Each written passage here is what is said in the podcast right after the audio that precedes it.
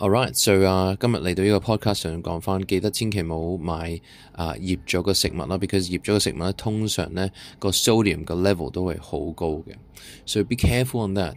You know，我琴日都亦都買咗啊，依個 salmon 系醃咗啦。